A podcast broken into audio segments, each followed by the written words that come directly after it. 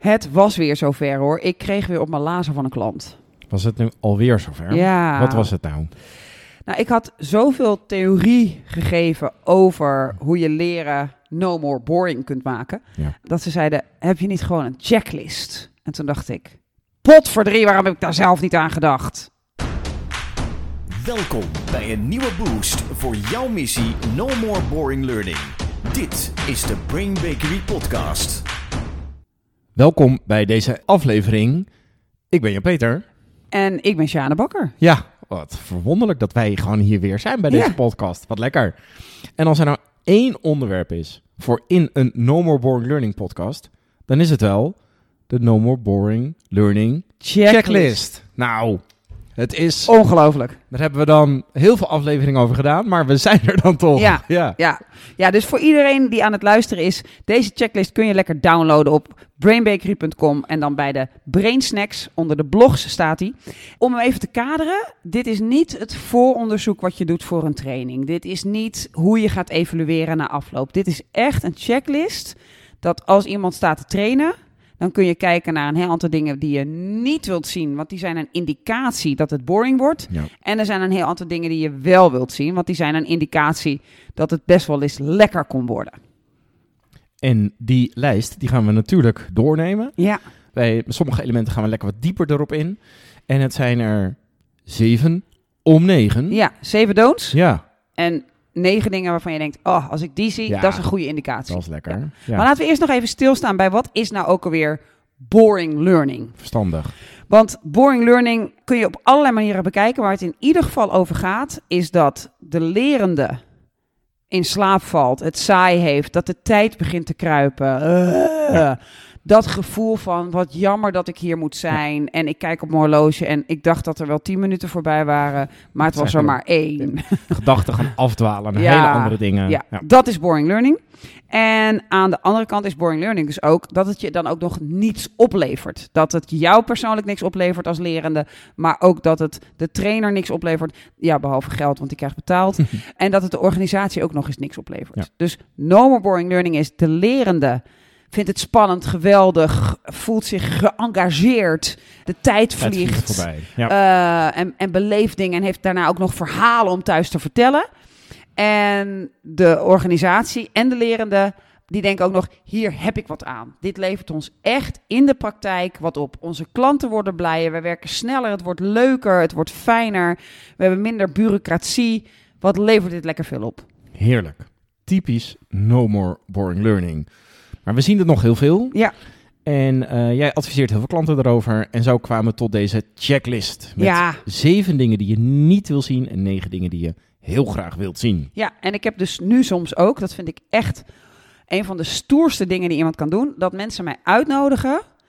Kom eens bij een trainingsdag van mij zitten en geef mij feedback. Ik vind dat zo stoer. En zeker als iemand al twintig jaar in het vak zit en die zegt: Sjane, ik weet dat ik het goed kan. Ik weet dat ik het goed doe. Maar niemand kijkt ooit met me mee. Ik denk dat een frisse blik mij best wel eens kan helpen. En ik ben nou, de afgelopen weken een aantal keer uitgenodigd om dat te doen. En ik doe dat onwijs graag. En ik heb dus nu ook nog een checklist. Ja, Ja. lekker. Ja. Eh, en die checklist is inderdaad ook nog te zien op de website, wat Sjane net al zei. Dus je kunt tijdens het luisteren meekijken, behalve als je in de auto zit of zoiets doet. Doe het dan vooral daarna. Ja, we beginnen met de don'ts. En eh, ik heb de termen in het Engels, want we hebben veel Engelse klanten. Ja. Dus als je eh, echt anti-Engels bent, dan luister je denk ik al niet naar de No More Boring Learning podcast. Dus eh, stap er maar even vanaf. Juist. De eerste is Shine the Light on Them. Hiervoor ben ik schatplichtig aan Marco Gala Molina, die deze term bedacht heeft. En dat betekent dat je nooit gaat openen met een introductie van jezelf. Dat is oud, dat is voorspelbaar. De anderen die denken, oh oké, nou hij gaat eventjes zichzelf voorstellen. En wat je daar ook mee indirect vertelt, is dat de training over jou gaat. Terwijl shine the light on them, Ja. het gaat over hun. Ja. Dus hoe kan ik beginnen bij jullie? Hoe kan ik het eerste dingetje wat ik doe, het eerste dingetje wat ik zeg, hoe kan mijn opening de ander centraal zetten? En natuurlijk ga ik ook nog iets over mezelf vertellen, maar ik begin bij hun. Kijk, heel veel trainers doen dat al niet. Nee. Zit er eentje die denk ik al heel veel observeert in trainingen. Ja. Dat zij braaf beginnen bij zichzelf. Ja. Ja, zo hoort het. Ja. ja. Klassiek. En klassiek en, en vooral ook niet effectief. En niet effectief omdat eh, het voorspelbaar is, maar ook niet effectief omdat die mensen daar niet echt zwaar geïnteresseerd in zijn. Nee. En het gaat niet over waar je eigenlijk voor komt trainen. Tweede is Keep the Floor Lava. Deze vertelde Eefje me, Eefje Hebben, die zit nu in de trainde trainer. En die was begin ook in de war met welke term was het ook weer. Toen zei ze, dit is toch dat Keep the Floor Lava? de floor is lava. Ehm, dus dit principe duidt erop dat je niet uit gaat kouwen wat er precies van minuut tot minuut, van seconde tot seconde gaat gebeuren in je training. Dat vertel je niet allemaal aan de lerende. Waarom? Zodat het ook een klein beetje een verrassing blijft. Geef ze wel voldoende houvast, dat ze snappen waar ze zijn en waar de toiletten zijn en dat soort dingen. Maar keep the floor lava. Ineens kan er iets anders gebeuren. We gaan ineens naar een filmpje. Hou ze een beetje op de ballen van hun voet, zodat ze voorover vooruit kunnen stappen. In plaats van, nou, ik weet al precies wat er gebeurt. En ik ga dus in een soort comatose toestand. Ja, typisch boring. Heel Ja. goed. Keep the floor lava. Heel goed. We gaan naar de derde. Respect the time. Deze Ja. heb ik geleerd natuurlijk van alle appjes die ik had gekregen Ja. van deelnemers. Waar appen zij heel veel over. En wat is een grote ergernis? Dat je over tijd gaat. Dat je te lang doorgaat. Dus een van de indicatoren dat je jezelf te serieus neemt en ook het leerproces te serieus neemt, is dat je niet in staat bent om gewoon, als jij zegt ik ben om vier uur klaar of om twee uur klaar of deze e-learning kost je zoveel tijd, dat het langer duurt. Het is een grote ergernis. Uh, mensen gaan minder uh, op je vertrouwen. En meestal is het een indicatie dat je te veel wil zenden. Dat je niet goed aan je time management zit. Dus respect the time. Ja, ja. Een hele, hele praktisch, maar super belangrijk. Ja. Ook vooral voor de deelnemers. Ja. Heel goed. De volgende. Sources matter. As does truth. Um, dus hier gaan we. Ja, we zitten natuurlijk nu in een licht gepolariseerde wereld. Ja. Waar het beweren van dingen die niet waar zijn gewoon mag.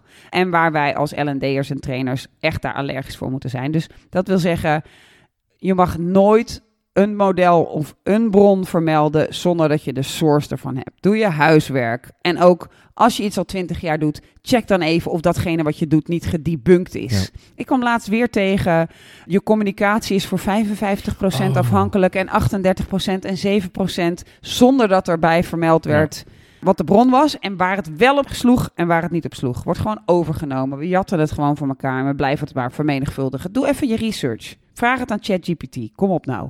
Ja, inderdaad. Gebruik de AI-bronnen Ja. ervoor. Ja. Dan de volgende hele simpele is right to be read. Dat wil zeggen, ga niet als een soort huisarts op een flip staan hakselen en fratselen, zodat de ander het nauwelijks meer kan lezen, zodat er een soort spinnenweb doolhof kleurrijke ellende ontstaat. Je wilt dat het in hun brein gaat beklijven, dus schrijf het zo op, oefen erop. Hoe gaat mijn slide eruit zien? Hoe bouw ik mijn flip over helemaal netjes op? Ik begin dus linksboven of ik begin rechtsboven en ik werk dan naar beneden. Communiceer daarover. Ik kreeg daar laatst overigens kritiek op, want toen uh, waren mensen in hun schrift mee aan het schrijven en iemand zei, Sjane, kun je niet even zeggen hoeveel ruimte ik Nee. moet nemen? Want ik begin hier onderaan de pagina en nu past het niet. Dus toen heb ik met ze afgesproken, iedere flip die ik schrijf is een hele pagina. Dus als ik aan een nieuwe flip begin en ik bouw hem netjes op, zodat je heel goed kunt meeschrijven. Dus right to be read. Juist. Nog maar twee te gaan. Nog maar twee te gaan. Ja. De volgende is answer the question. Hiermee heb ik me veel schuldig aan gemaakt. Maar answer the question is er een waarbij je als iemand een vraag stelt, dan heeft hij op dat moment trek. Hij wil het weten. Zijn neuronen zijn aan het vuren. Hij, hij heeft iets. Hij is dus afgeleid in jouw verhaallijn. Hij wil dit nu weten. Geef het antwoord. Zelfs als je je mooie onthulling die veel later komt, Ja. pas dan komt. Zelfs als je denkt, dat heb ik soms, sinds ik er heel goed op let. Zelfs als je denkt, ik snap dat jij de vraag hebt, maar de anderen zijn hier nog niet. Zeg dan, oh, wat een goede vraag. Laat ik de anderen even meenemen. Zodat je even een introductie Ja. doet waar de vraag vandaan komt. Maar geef het antwoord op de vraag. Dit is het enige moment waarop hun neuronen er zin Ja, in hebben. het weten. Niet wachten. Nu. Gekkie. Ja. Krijg je eindelijk een vraag, doe je niks. Specifiek hierover maakten wij al eerder een Ja. podcast, podcast nummer 51. Dus wil je meer over dit punt weten, luister vooral podcast nummer 51. Ja, en dan gaan we naar de laatste don't. Als je deze ziet, dan weet je zeker dat het boring learning is. Ja. Dit is namelijk model pooping. Hè, dus het poepen van modellen, het maar uitbraken van modellen over de andere, dat is verboden. Wat ik niet wil zien in een training is oude modellen die iedereen al 15 keer heeft gehad. En die je maar blijft gebruiken. Dus vaak ook nog zonder bronvermelding. Ik wil liever dat je een twist eraan geeft. Dat je eh, een eigen term erop plakt. Maar maak hem fris en maak hem zo zodat hij van toepassing is op die organisatie. En niet gewoon. Oh ja, nou, ze willen een feedbacktraining. Ik heb Dus- hier het feedbackmodel. Ja. Doe het niet. Nee, nee, zeker niet. Model poeping. Ja, Zeven dingen die we niet willen zien in een training. En als we ze wel zien, is dat een grote voorspeller voor boring learning. precies. We gaan naar de dingen die we dus wel willen zien. En Ja. dat zijn er negen. Ja. De eerste is hit the mark. Dat wil zeggen, je opent je sessie in de pijn, de ellende, het ding waar de, ander, waar de, de- waar de lerende mee zitten. Dus je begint gelijk in het ding waar ze in mee zitten. Gaat het over feedback en hebben ze hele afschuwelijke agressieve klanten? Begin daar. Meteen, Hebben ja. ze een appgroep met hun eh, hulpcollega's en ZZP'ers en daar gaat soms iemand los? Laat die app op het scherm zien. Begin daar waar zij zitten. En, en dat wil dus niet zeggen begin bij ik creëer een veilige ruimte. Begin bij het probleem. Wat is een van de problemen die je gaat tackelen die dag? Daar open je op. Dus hit the mark in de first round. Lekker. Het voelt ook gelijk heel erg actiegericht. Ja. Ja. En dat merk je ook echt als je het goed doet. Dan voelen mensen echt, die gaan gelijk aan. Die denken, oh wacht even, ik dacht dat ik hier nog even eh, Ja. 20 minuten een introductie kreeg. Ja. Maar we gaan al. Oh, We oh, zijn er al. Lekker. En Ja. inderdaad, ik herken het ook. Dit is fijn. Ja. Ja. En dat is dus precies dat gevoel van de tijd vliegt voorbij. Dat enerverende, dat creëer je meteen hiermee. Ja.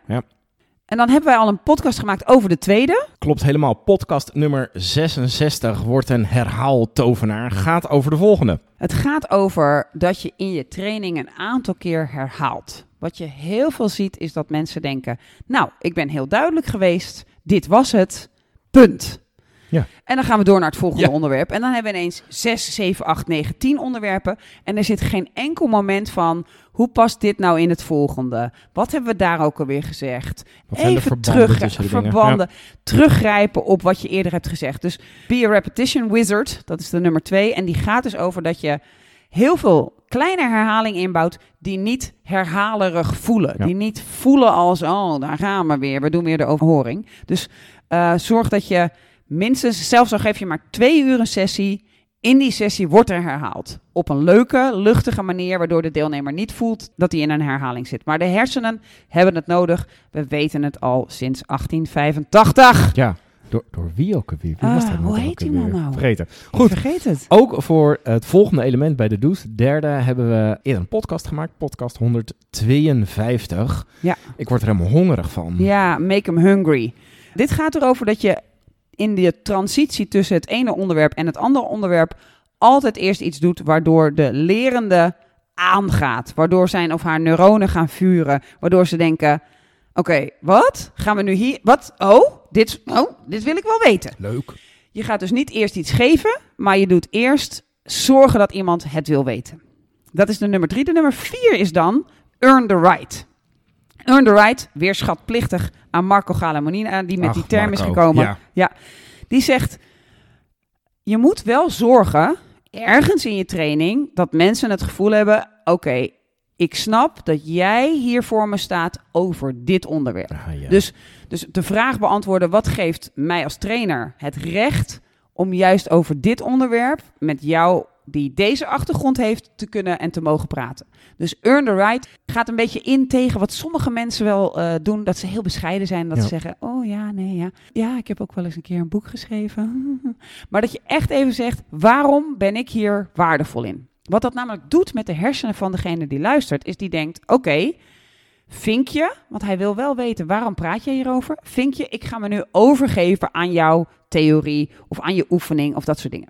Dus een van de dingen waar je echt aandacht aan moet besteden van tevoren is: wat ga ik over dit onderwerp waar ik nu in ga trainen aan juist deze doelgroep over mezelf vertellen? Wat Ja. maakt mij de moeite waard? Ja. Nou, heb je 300 jaar ervaring, is dat makkelijk.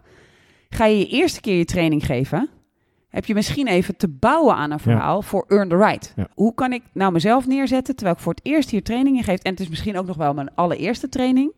Nou, dan kun je waarschijnlijk wel iets vertellen als het bijvoorbeeld gaat over communiceren. Dat jij al van je jongste jeugd af geïnspireerd bent door hoe werkt dat nou tussen mensen. Daar kun je een prima storytelling over doen. Of de hoeveelheid podcasts die je erover hebt Ja. geluisterd. Je kunt echt onderbouwen waarom jij hier waarde gaat toevoegen. Ja. Want dat is het, een van de vragen die in de hoofden van jouw deelnemers zit. Maar open er niet mee, want dat was weer don't nummer 1. Shine the light, on them. Ja. Juist. We gaan naar de vijfde. Wield the power of demo. Ja. Lekker. Wat we weten is dat op het moment dat je traint, dat theorie overdragen, experimenteren, oefenen, dat is allemaal heel waardevol. Reflecteren ook. Maar een van de krachtigste bronnen die ik dus in iedere training wil terugzien, is de trainer geeft een demonstratie. Die geeft een demonstratie over hoe het moet. Dus echt een soort glansrijke perfectie. En de trainer geeft ook nog een demonstratie over hoe het niet moet Ja. de drie meest geziene valkuilen. En die laat even voelen hoe mis het gaat als je in zo'n vuilkuil stapt.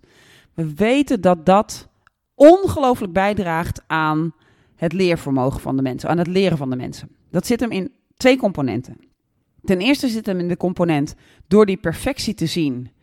Snap ik ineens hoe makkelijk het kan worden en zie ik dat lonkende perspectief. Ah, zo werkt het. Zo, ja.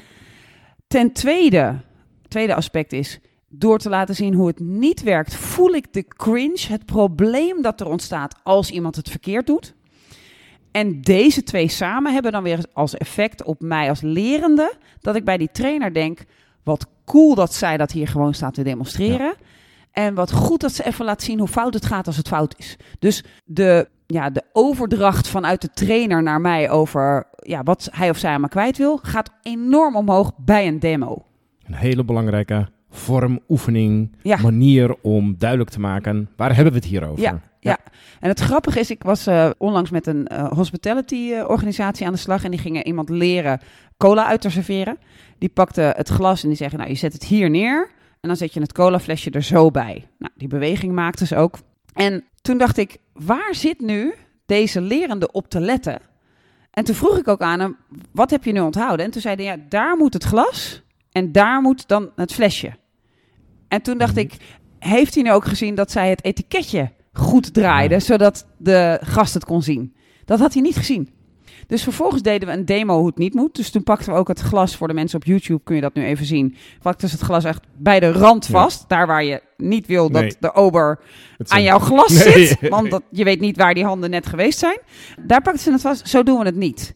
Waarom doen we dat niet zo? Omdat die gast niet kan weten hoe schoon jouw handen zijn. Ja. En die gaat met zijn of haar lippen nu op het plekje drinken waar net jouw met poepbacillen eh voorziene handen eh, zijn geweest. Eeuw. En toen zei ze ook, we zetten het cola flesje niet zo neer. Want nu kan die niet zien op het etiket of het cola zero of cola is. En misschien is dat wel ontzettend belangrijk voor de gast. Dus we draaien het etiketje altijd. Dus de, de demonstratie van niet naar wel is de meest krachtige demonstratie. ja. Doe die altijd. Als ik hem niet zie in een training, dan is mijn hart bedroefd en label ik het toch een beetje als boring. Boring. Ja. Ja. We gaan door met Ja. de lijst. De lijst, de nummer 6. Know their real world. Een van de dingen waar ik altijd op let en waar iedere trainer zich in zou moeten verdiepen is... Hoe gaat het nou echt in de praktijk van deze mensen? Wat gebeurt er? Hoe uit een blije klant zich? Waar worden ze op afgerekend? Wat is het jargon? Hoeveel minuten staan ze eigenlijk per dag? Hoe lastig is dat systeem waar ze in werken? Wat voor woordjes gebruiken ze daarvoor? Hebben ze bepaalde codes? Eh, is er een soort bedrijfsgrapje wat iedereen kent? Als ik wil trainen voor een doelgroep die een eigen wereld heeft, dan moet ik hun echte wereld kennen. Dus know their real world. Daar gaat het over. Kan ik snappen dat als ik bij ING train, dat ik een ander grapje moet maken dan als ik bij de Hornbach train? Ja. Hoe doe je dat? Dus het verdiepen in de ander. En eh, de vergelijking die ik daar altijd bij gebruik is: stel je voor, ik ben een geweldige survival expert. En ik kan heel goed survivalen op de Noordpool.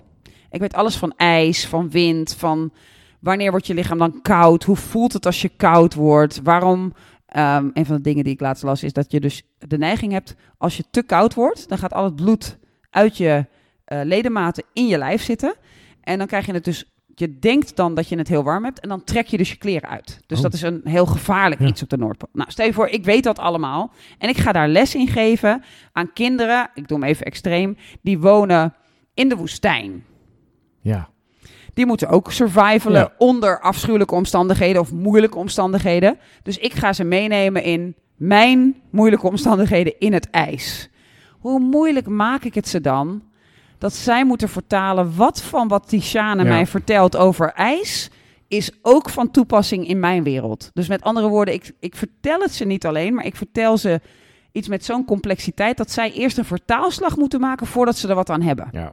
En dat bedoelen we met know their real world. Je moet hun taal kennen. Je moet weten waar ze op afgerekend worden, waar ze blij van worden. Wanneer krijgen ze de loftrompet? Weet het. Ja, want als ze die vertaalslag de hele tijd moeten maken, is de kans heel groot dat ze dat op een gegeven moment niet meer doen. Ja, of Nee. ze zien hem zelf niet. Nee. Dus je bent, je bent al afhankelijk van hun eigen Ja. abstractieniveau. Of ze zijn te moe om hem te kunnen Ja, maken. Precies. Of één ziet hem, maar de rest ziet hem niet. Je weet het niet. Nee. We zijn er nog niet. Nee, we gaan naar nummer 7. Nummer 7 is natuurlijk meten van je impact. Als jij niet weet wat jij wilt dat ze de dag na jouw leeractiviteit anders doen, en je kunt dat niet goed omschrijven. Je kunt niet zeggen, ik wil, stel ik train vestigingsmanagers van een supermarktketen, en jij weet niet, ik wil dat ze de volgende dag vier keer meer dan normaal lachen naar een klant. Of drie keer een positieve feedback geven aan iemand die een beetje voldoet aan dat het echt dat het niet cheerleading is, maar een goede feedback. Als je dat niet weet, wat wil ik nou dat ze morgen anders doen? En je kunt dat niet omschrijven als een filmpje. Wat hoor ik ze dan zeggen? Wat zie ik ze dan doen? Wat ben je dan aan het doen? Ja. Dan ben je waarschijnlijk modellen aan het poepen. Ja. Ah, lekker, lekker trainen. Lekker. Ja. Lekker trainen. Ja, Hier nog een modelletje. model- Ja. nog een model. En nu hebben we ook nog feedback sandwich. Nou, verschrikkelijk. Dus je moet erin gaan met wat zou ik nou morgen willen meten? In plaats van ik ga mijn programma afdraaien. Ja. Dus alles staat ten dienste van wat is er morgen anders of wat is er na deze training of deze leeractiviteit anders in de wereld van deze mensen. En wat doen ze vooral ook anders in plaats van wat weten ze nu? Ja. leuk dat ze het weten, maar als ze er niks mee doen, We zijn wel heel geïnspireerd. Heel veel inzichten. houd toch je muil. Sorry JP. ja. De één na laatste. Ja. Ja, tussen het voornemen om iets te gaan doen, het snappen dat het goed zou zijn om iemand te gaan doen, en het echte doen, zit voor iedereen een gat. Ja. En dat gat moet je door. En wat je niet mag doen als trainer, is dat je dat gat overlaat naar de momenten na de training. We noemen dit gat noemen we de intention action gap. Dus er zit een klein gaatje, een soort klein kloofje. Soms is hij klein, soms is het een diep ravijn. groot, ja. Tussen, aha, het zou dus slim zijn om nee te zeggen. Of het is slim om in de vergadering eerst te beginnen met hoeveel tijd nemen we eigenlijk waarvoor. En dat ik het ook echt doe. Want in de echte wereld heb ik ineens collega's die wel spannend zijn. Ik ben misschien zelf gestrest. Misschien is er net een soort incident voorgevallen. En als ik de, de gap niet al doorga in mijn training, als ik ze daar niet al even doorheen haal tussen snappen hoe het moet en het doen, dan laat ik het over aan de loterij Ja. van de real world. Dus dat kan ik niet maken. Bovendien dient het nog een tweede ding. Als ze die intention action gap door zijn gegaan in je training, hebben ze al een klein beetje zelfvertrouwen. hey, het ging, het lukte. Dus de angst om te falen is iets minder groot, want er is al wat zelfvertrouwen. Dus je moet in je training datgene waarvan je weet dat je wilt dat ze doen, moet je ze al even laten doen, zodat ze die gap al over zijn. Steek die cap nou toch over. Ja, Ja. En dan hebben we de laatste. ja. Die heb ik genoemd Variety is the very spice of life. Mm, Eh, spice up your training. ja. Eh, ik weet nog dat ik op mijn allereerste boek dat uitkwam, had ik allemaal rode pepertjes en één groene. Dus het gaat hier over variatie. Dus je wil, wil, je wil eigenlijk als je een soort filmpje zou opnemen, wat je heel versneld zou afspelen. Stel je voor, ik neem jou op een dag en je speelt dat versneld af. Dan wil ik mensen zien zitten en zien staan. Ik wil ze zien luisteren en ik wil ze zien kijken naar een filmpje. Ja. Ik wil eh, ze zien absorberen, maar ook, ook zien experimenteren. Ik wil ze zien spreken. Ik wil ze zien luisteren. Ik wil ze heel snel iets aan het doen zijn onder grote druk. En ik wil ze heel langzaam iets zien doen. Ik wil ze heel hard zien lachen. En ik wil ze bloedserieus, misschien zelfs wel bijna een beetje bang uit hun ogen zien kijken. Dus je wilt telkens zorgen dat je die variatie opzoekt. En als je die niet terugziet in het programma van tevoren, of ik zie hem niet terug in de training, dan weet je, dan gaat het kabbelen. Ja. Dan wordt het, oh ja, nou nu gaan we weer een oefening doen. En daarna gaan we weer even vertellen aan de training wat er uit de oefening kwam. En dan krijgen we de volgende oefening. En dan wordt het boring. En boring is de vijand van je hersenen, want je hersenen willen graag wakker en alert zijn en gehouden worden. En zo hebben wij 7 plus 9. En sneller Riksom leert, dat zijn er 16. Oh, wat ben jij daar goed Ja. in? Ik zat gelijk in paniek naar de camera te Ja, kijken. Oh my god. Zo hebben wij in totaal 16 observaties. Ja. Zeven dingen die je niet wilt zien. Want als je die wel ziet, is het zeer waarschijnlijk boring. En negen dingen die je heel graag wel wilt zien. Want als je die wel ziet, is het zeer waarschijnlijk no more boring learning. Lekker. Ja. Doe er je voordeel, mensen. Download hem. Scan jezelf. Kom in de Speak-app. Laat ons weten welke je het meeste miste. Misschien mist er ook wel iets op mijn lijst. En denk je, Sjane, er ontbreekt er een. Vul hem aan. Mail ons op hello at brainbakery.com. Kom er maar in. En dankjewel voor het luisteren. Heel erg bedankt voor het luisteren. Tot de volgende keer. No more boring learning. Dit was de Brain Bakery podcast. Wil je meer weten? Kijk dan op brainbakery.com of volg ons op onze socials.